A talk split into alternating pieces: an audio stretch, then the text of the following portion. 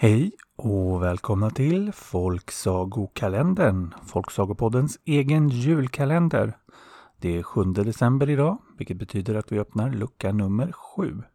Och som vanligt är det ett landskap som gömmer sig där bakom. Och idag hittar vi Västmanland, som ligger i Svealands inland. Ganska mitt i landet på bredden och en bit ner i landet på längden. I dess södra del, som tillhör Mälardalen, hittar vi två av våra största sjöar, Mälaren och Hjälmaren. Och norrut, som tillhör Bergslagen, hittar vi gränsen mot Dalarna och orter som Nora och Lindesberg. Landskapsdjuret i Västmanland, det är rådjur och landskapsblomman är mistel. Och en annan ort man kan hitta i Västmanland, förutom Nora och Lindesberg, är Västerås. Och dagens saga det är faktiskt mer av en sägen, alltså en berättelse som är kopplad till verkligheten, till en plats eller en person, men som ändå är sagolik. Dagens saga handlar nämligen om Grytahögen, som man hittar i Badelunda socken, som idag är en del av Västerås kommun. Det är en 41 meter lång och 6 meter hög gravhög och om den berättas en tragisk berättelse om vilka som är begravda där i. Här kommer den sägen. Det var en gång, för länge sedan, i byn Tibble utanför det som idag är Västerås. Idag är Tibble bara en liten by, men på den här tiden fanns där ett stort slott. Där bodde en som var son till självaste kungen, så han var alltså själv kunglig och han hade en dotter som var mycket vacker. Och en dag kom en prins på besök till slottet och han och dottern förälskade sig genast i varandra. Och de ville såklart ses hela tiden. Men på den här tiden fick inte unga ogifta flickor och pojkar ses hur som helst, så de var tvungna att träffas i smyg. Så den unga flickan föreslog att de skulle ses vid Klintarkällan en bit bort på kvällen när det blivit mörkt. Där skulle ingen kunna se dem. Så hon berättade för prinsen vart det låg och sa att hon skulle komma dit när det blivit mörkt. Och av prinsen fick hon en guldring och han lovade henne sin eviga kärlek. Men nu var det så här att flickans mamma hade själv varit ung och förälskad en gång och visste hur unga människor brukade göra. Så hon sa till slottsvakten att inte på några omständigheter släppa ut den unga flickan själv. Så den kvällen, när hon skulle smyga ut, så satte slottsvakten stopp för det. Och den unga flickan bönade och bad, men han sa prompt nej. Då försökte hon att muta honom med en armring av koppar. Men det hjälpte inte. Då försökte hon istället med silverkedjan hon hade om halsen, men inte heller då hjälpte det. Till slut så sträckte hon fram guldringen hon hade fått av prinsen. Och då beveknade sig slottsvakten plötsligt och släppte ut henne.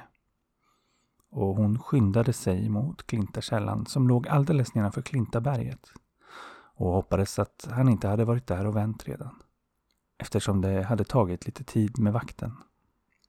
Men när hon kom fram till källan fick hon se någon stå där och tänkte det där måste vara han och hon blev så lycklig att hon sprang fram och kastade sig rakt i hans armar. Men vad hon inte visste var att prinsen också hade blivit uppehållen på sitt håll och därför inte kommit fram än. Och den som stod där vid källan och drack var självaste Bergakungen i Klintaberget. En jätte. Och han blev minsann mycket lycklig över att en ung vacker flicka kastade sig i hans armar, för det händer inte jättar ofta, kan jag be att få tala om. Så han släppte inte taget utan började genast bära henne med sig hem till bergen för att gifta sig med henne. Och den unga flickan förstod sitt misstag och förstod också att hon inte skulle kunna komma loss och blev förtvivlad över vad prinsen skulle tro när han kom fram. Men som tur var lyckades hon få av sig sin lilla prinsesskrona som hon lyckades hänga på en buske i närheten så prinsen skulle förstå att hon varit där. Och snart hade jätten burit hem henne till berget och låste in henne på sitt rum och gick genast till sin mor för att berätta att han minsann hade gått och förlovat sig. Och att bergakungen inte är den skarpaste kniven i lådan, det har vi kanske redan räknat ut eftersom han inte förstod att flickan inte alls ville gifta sig med honom. Men hans mor däremot, hon var mycket äldre och mycket klokare. Så klok att hon till och med kunde sia om framtiden. Och hon förstod genast att det här var en stor olycka och förklarade för sin son att man inte kan bära hem unga flickor hur som helst och att jättar och människor, de ska inte gifta sig.